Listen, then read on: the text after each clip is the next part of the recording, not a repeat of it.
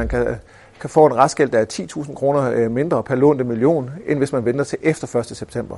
Mikkel Høger her er boligejerne opmærksom på en fordel, man kan udnytte ved det forestående serieskifte i danske realkreditobligationer.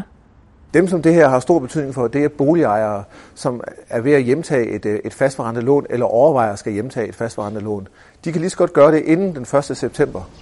Hvis man overskrider den deadline, der hedder øh, 1. september, jamen, så kan man jo stadigvæk få et 30-årigt øh, fastforrentet lån, men så får man det bare udbetalt til en dårligere kurs, end man kunne have fået det udbetalt til. Det er sådan en ændring, der, der, der sker hver tredje år øh, helt automatisk i realkreditsystemet, hvor man skifter de bagvedliggende obligationer ud bag lånet. Og øh, det man i praksis gør, det er, at man forlænger løbetiden på øh, obligationerne bagved. Men det kan låntagerne sådan set være ligeglade med, fordi de bliver ved med at have et, et 30-årigt lån. Der er bare stor forskel på, hvornår investor får sine penge. Og, og det, den fordel kan, kan låntagerne lige så godt få ved at hjemtage lånet før 1. september.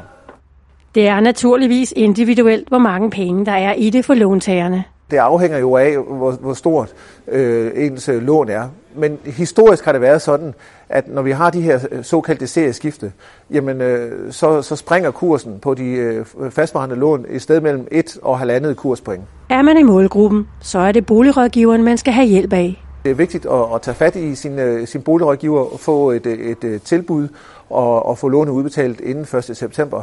Vi siger til i god tid nu, sådan at man har mulighed for at reagere på det og overveje det hen over sommeren.